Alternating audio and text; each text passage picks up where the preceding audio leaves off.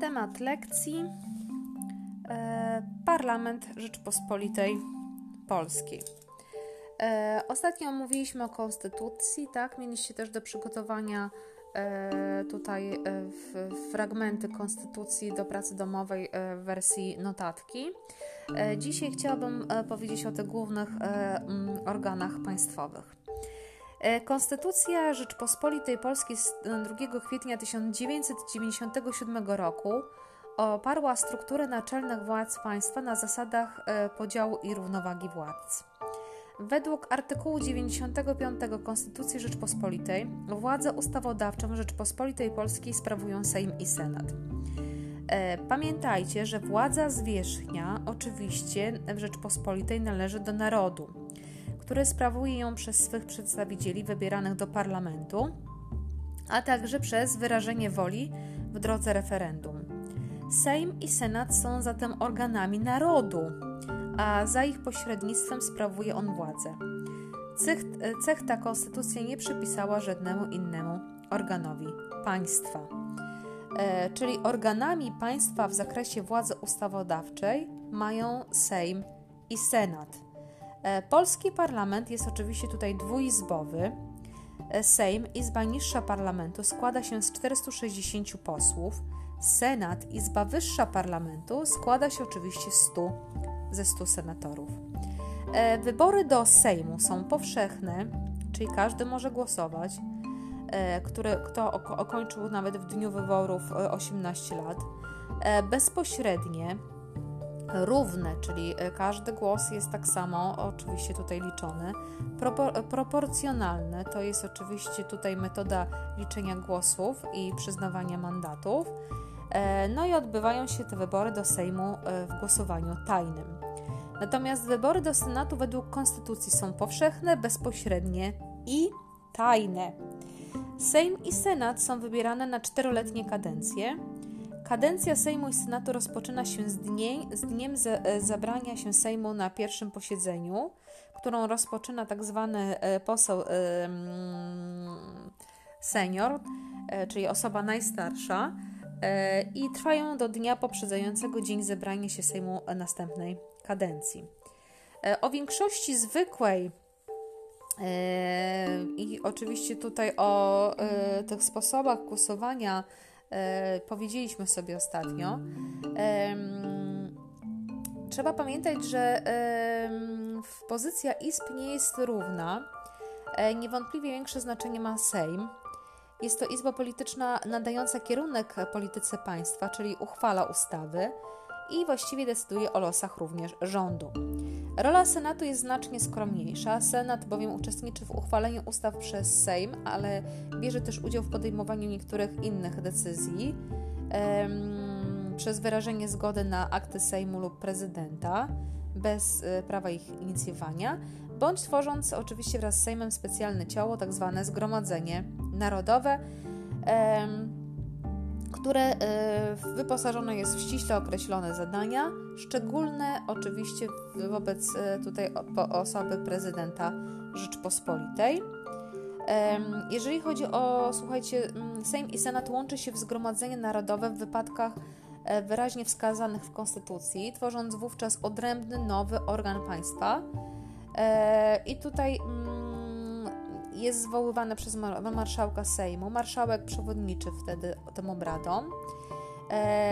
Celem jest przyjęcie przysięgi od nowo wybranego prezydenta e, lub uznanie trwałej niezdolności prezydenta do sprawowania urzędu ze względu na stan zdrowia, podjęcie decyzji o postawieniu prezydenta w stan oskarżenia przed Trybunałem Stanu, gdy przekroczył oczywiście swoje kompetencje e, konstytucyjne oraz wysłuchanie orędzia prezydenta, czyli tego zaprzysiężenia taki i tego, jaki plan ma prezydent na swoją kadencję.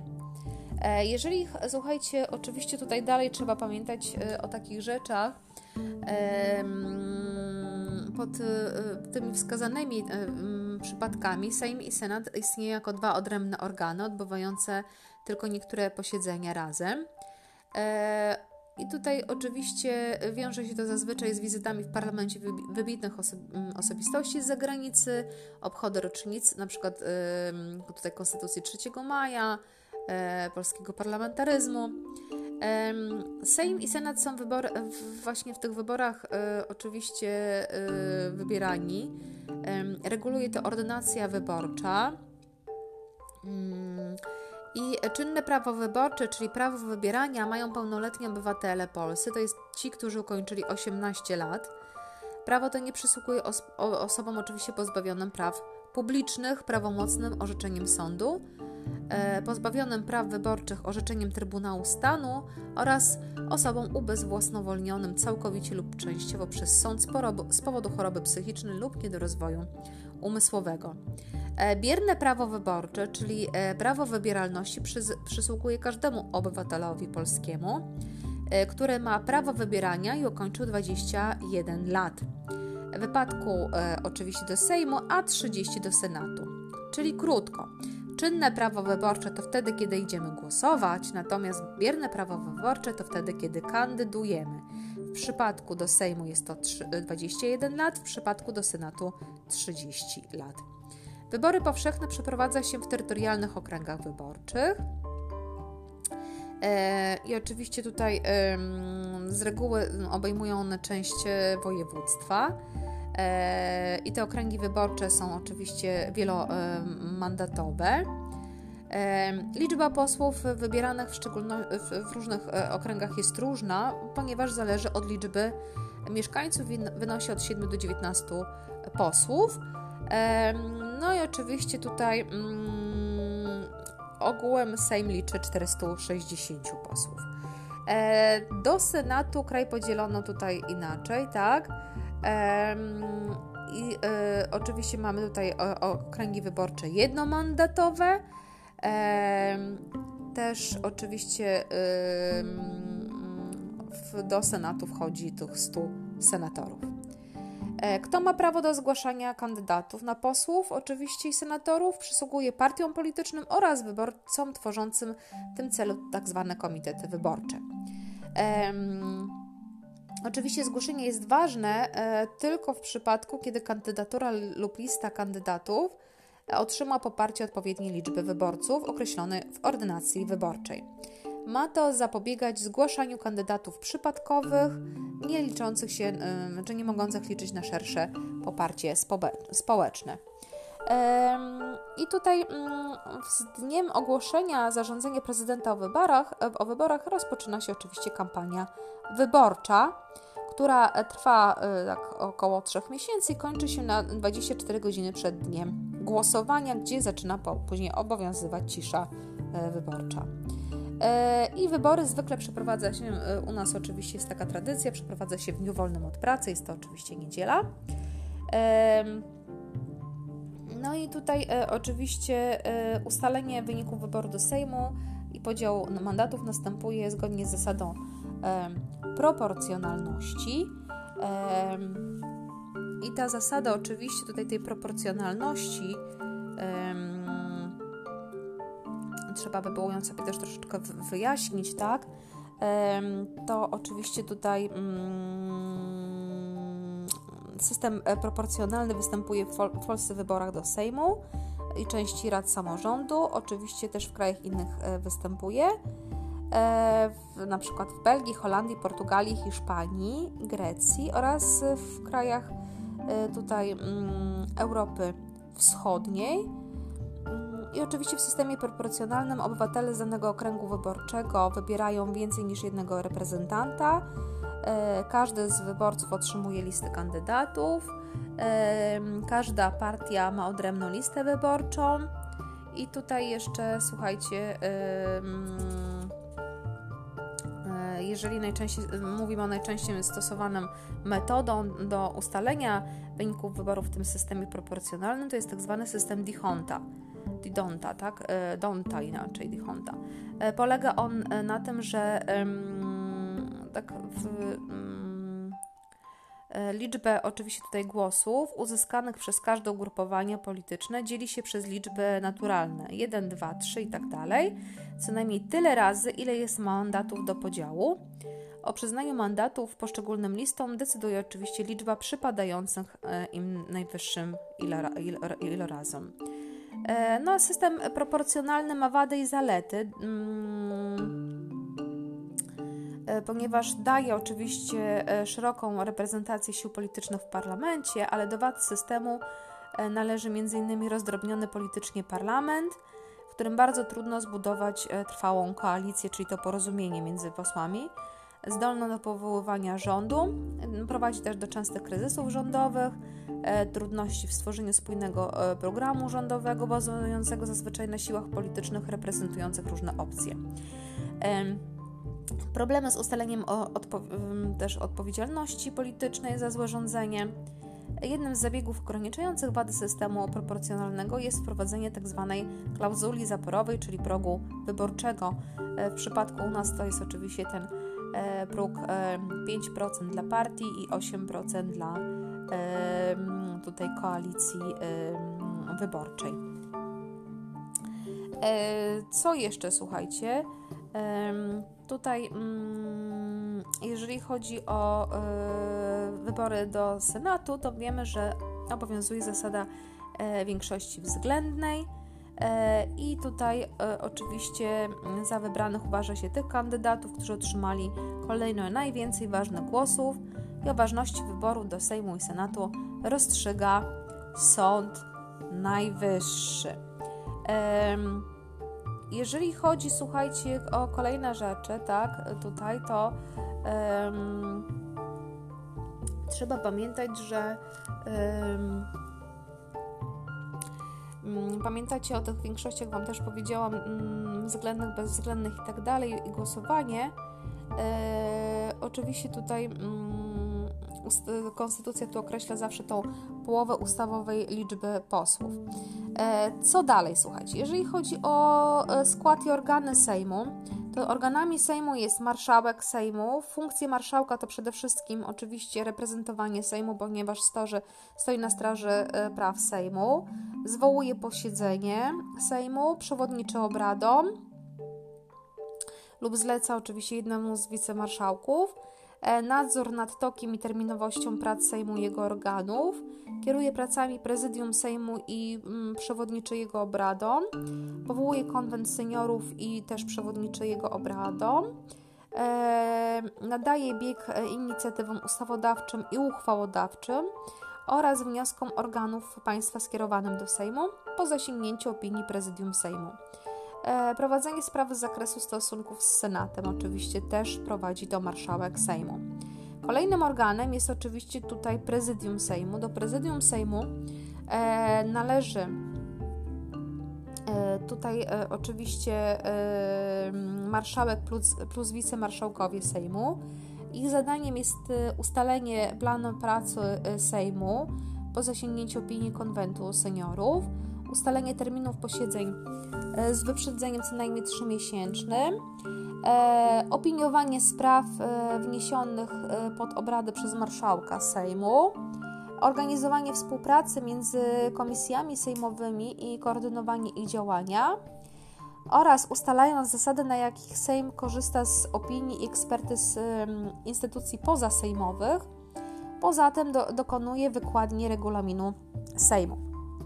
Y, kolejnym organem Sejmu jest oczywiście tutaj konwent seniorów. Jest to organ, którego zadaniem jest zapewnienie współdziałania klubów poselskich we wszystkich kwestiach związanych z działalnością y, Sejmu i w skład tego konwentu seniorów wchodzą marszałek, y, wicemarszałkowie, przewodniczący lub wiceprzewodniczący klubów, także klubów parlamentarnych oraz kół parlamentarnych. Mm, w posiedzeniach konwentu seniorów bierze udział z głosem, z głosem doradczym tutaj szef kancelarii Sejmu. E, marszałek Sejmu z własnej inicjatywy bądź na wniosek członków konwentu seniorów może zaprosić na posiedzenie konwentu też inne osoby. E, konwent seniorów przede wszystkim opiniuje projekty planów prac Sejmu, projekty porządku dziennego poszczególnych posiedzeń Sejmu i ich terminy, wnioski co do trybu dyskusji nad poszczególnymi punktami porządku dziennego posiedzenia Sejmu. Wnioski do, e, co do wyboru przez Sejm jego organów, zadania i przebieg pracy kancelarii e, Sejmu. No i te komisje sejmowe, słuchajcie, bo tutaj zostały przywołane, tak, są stałe i specjalne, czyli nadzwyczajne. Ich zadaniem jest przede wszystkim rozpatrywanie i przygotowywanie spraw stanowiących przedmiot prac Sejmu, e, wyrażanie opinii w sprawach przekazywanych e, pod ich obrady przez Sejm, marszałka Sejmu lub prezydium. E, specjalnymi, czyli nad tymi nadzwyczajnymi komisjami sejmowymi są na przykład komisja śledcza będzie taką komisją, tak? E, I Sejm na wniosek posłów może powołać właśnie tą komisję śledczą do zbadania określonej sprawy. E, komisja ma prawo uzyskiwać informacje od członków rządu, organów, instytucji oraz przedsiębiorstw państwowych na tematy związane z jej pracą. Teraz kolejna rzecz to są kluby i koła poselskie. Posłowie mogą tworzyć w Sejmie tak zwane kluby lub koła poselskie oparte na zasadzie politycznej, E, poseł może należeć do, do, jednego klubu poselskiego lub koła poselskiego i klub poselski to co najmniej 15 posłów, a koło poselskie to co najmniej 3 posłów. Kluby poselskie lub e, koła poselskie e, mogą oczywiście na zasadzie wzajemnych porozumień ustanawiać wspólną reprezentację również w konwencie seniorów. E, władze klubów poselskich, kół poselskich, zespołów oraz porozumień podają do wiadomości marszałka Sejmu ich składy osobowe oraz swoje statuty, czyli te regulaminy wewnętrzne. Regulamin Sejmu przewiduje również istnienie klubów parlamentarnych, które zrzeszają nie tylko posłów, ale również członków obu izb parlamentu. E, wybory parlamentarne, tak, e, do Sejmu i Senatu oczywiście zarządza e, prezydent Rzeczpospolitej niż, nie później niż na 90 dni przed upływem kadencji, czyli przed upływem 4 lat od rozpoczęcia kadencji Sejmu i Senatu, wyznaczając wybory na dzień wolny od pracy, przypadający w ciągu 30 dni przed upływem tych 4 lat od rozpoczęcia kadencji Sejmu i Senatu. W wyborach parlamentarnych to już powiedzieliśmy sobie, kto y, posiada, tak, bierne i y, y, czynne prawo wyborcze. Sejm przez głosowanie może skrócić swoją kadencję w przypadku e, przegłosowania tej uchwały większością co najmniej dwóch trzecich głosów wszystkich posłów. E, wybory do Sejmu odbywają się w oparciu o ordynację proporcjonalną e, Donta, to już Wam powiedziałam, tak?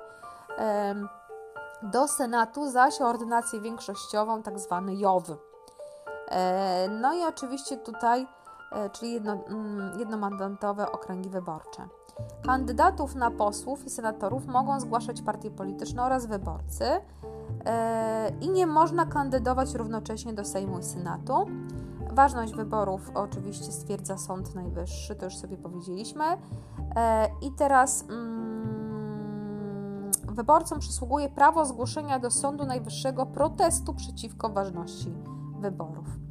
E, jeżeli chodzi o skrócenie kadencji Sejmu, jest e, ono równoznaczne e, oczywiście z, też z kadencją Senatu. Prezydent Rzeczpospolitej po zasięgnięciu opinii marszałka Sejmu i Senatu może zarządzić skrócenie kadencji. Ma do tego prawo, gdy nie zostanie powołany rząd oraz nie zostanie zatwierdzony przez Sejm budżet państwa na dany rok. Bo te dwie rzeczy stanowią jakby podstawę funkcjonowania państwa budżet i rząd. E, prezydent Rzeczpospolitej, zarządzając skrócenie kadencji Sejmu, zarządza jednocześnie wybory do Sejmu i Senatu i wyznacza ich datę na dzień poprzedzający nie później niż oczywiście w ciągu 45 dni od zarządzenia skrócenia kadencji Sejmu. Pierwsze posiedzenie nowo wybranego Sejmu, zwoływane przez prezydenta, musi odbyć się nie później niż 15 dnia po przeprowadzeniu, po przeprowadzeniu wyborów. E, oczywiście o tych progach już Wam powiedziałam, tak, że e, próg wyborczy, czyli taki, taki mm, w tej metodzie Donta e, troszeczkę e, ograniczenie, żeby właśnie nie było tego rozdrobnienia politycznego za bardzo i żeby była możliwość utworzenia rządu nawet koalicyjnego. I teraz jeszcze Wam, to oczywiście przypomnę tylko tam e, ugrupowania polityczne i partie polityczne to 5%, natomiast koalicje wyborcze i bloki wyborcze mają 8%. E, jeżeli chodzi o. Mm, teraz tutaj jeszcze Kolejna rzecz to, to oczywiście okręgi wyborcze. Wybory do Sejmu mają 41 okręgów wyborczych u nas w Polsce, a do Senatu jest 100 okręgów wyborczych i obowiązuje system większościowy w jednomandatowych okręgach wyborczych. Jednomandatowe, czyli oznacza to, że w całym okręgu może wygrać tylko jeden kandydat, który tym samym zdobył jedno miejsce do wybiera, wybieranego ciała, czyli jeden mandat. Natomiast wielomandatowe głosuje się na kilka mandatów, co daje kilka mandatów z danego okręgu wyborczego, czyli tego prawa e, bycia posłem tudzież senatorem. E, stracone głosy to zjawisko występuje kiedy w, e, często w systemie większościowym i ma miejsce wówczas, gdy głosy oddane przez mniejsze partie nie, nie przekładają się na mandaty uzyskane w parlamencie, ponieważ partie te nie przekraczają oczywiście progu wyborczego. E, posłowie mandatu nie mogą swojego łączyć z funkcją prezesa, NBP, czyli Narodowego Banku Polskiego, pre, prezesa NIK-u, czyli Najwyższej Izby Kontroli, e, e, Rzecznika Praw Obywatelskich i Rzecznika Praw Dziecka oraz ich zastępców, członka Rady Polityki Pieniężnej, członka Krajowej Rady Radiofonii i Telewizji. Nie mogą też tego mandatu łączyć z tytułem ambasadora. E, z zatrudnieniem w Kancelarii Sejmu, Senatu, e, Prezydenta Rzeczpospolitej lub w administracji rządowej E, zakaz ten nie dotyczy członków tylko oczywiście rządu i sekretarzy stanów, stanów administracji rządowej. No i mandatu poselskiego nie może sprawować sędzia, prokurator, żołnierz pozostający w służbie czynnej wojskowej, e, funkcjonariusz policji oraz urzędnik służby cywilnej. Posłowie są oczywiście tutaj przedstawicielami narodu, jednak nie mm, wiążą ich E, instrukcje wyborców. Mm, przed rozpoczęciem sprawowania mandatu e, posłowie składają przed Sejmem następujące ślubowanie. Teraz Wam przeczytam, poczekajcie chwilkę, jak to. E, ok. Uroczyście ślubuję rzetelnie i sumiennie wykonywać obowiązki wobec narodu, strzec suwerenności i interesów państwa, czynić wszystko dla pomyślności ojczyzny i dobra obywateli, przestrzegać konstytucji i innych praw Rzeczpospolitej Polskiej. I ślubowanie to może być złożone również z dodatkiem zdania tak mi dopomóż Bóg. Odmowa złożenia ślubowania oznacza oczywiście zrzeczenie się e, mandatu. Poseł, uwaga, nie może być pociągnięty do odpowiedzialności za swoją działalność wchodzącą w zakres sprawowania mandatu poselskiego, ani w czasie jego trwania, ani po jego wygaśnięciu. Od dnia ogłoszenia wyników wyboru do dnia wygaśnięcia mandatu poseł nie może być pociągnięty bez zgody Sejmu do odpowiedzialności karnej, czyli tutaj chroni oczywiście ten immunitet.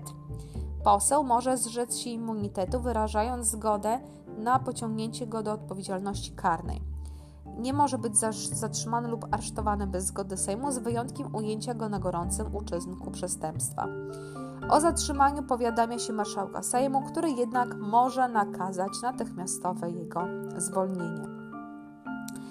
E, oczywiście tutaj słuchajcie, jeżeli chodzi o e, takie mm, kwestie mm, dotyczące jeszcze e, tutaj e, kwestie posłów, to oczywiście można by było jeszcze w, e, w, wspomnieć o E, tak zwanym immunitecie, immunitecie procesowym, czyli formalnym oraz e, prawie do nietykalności.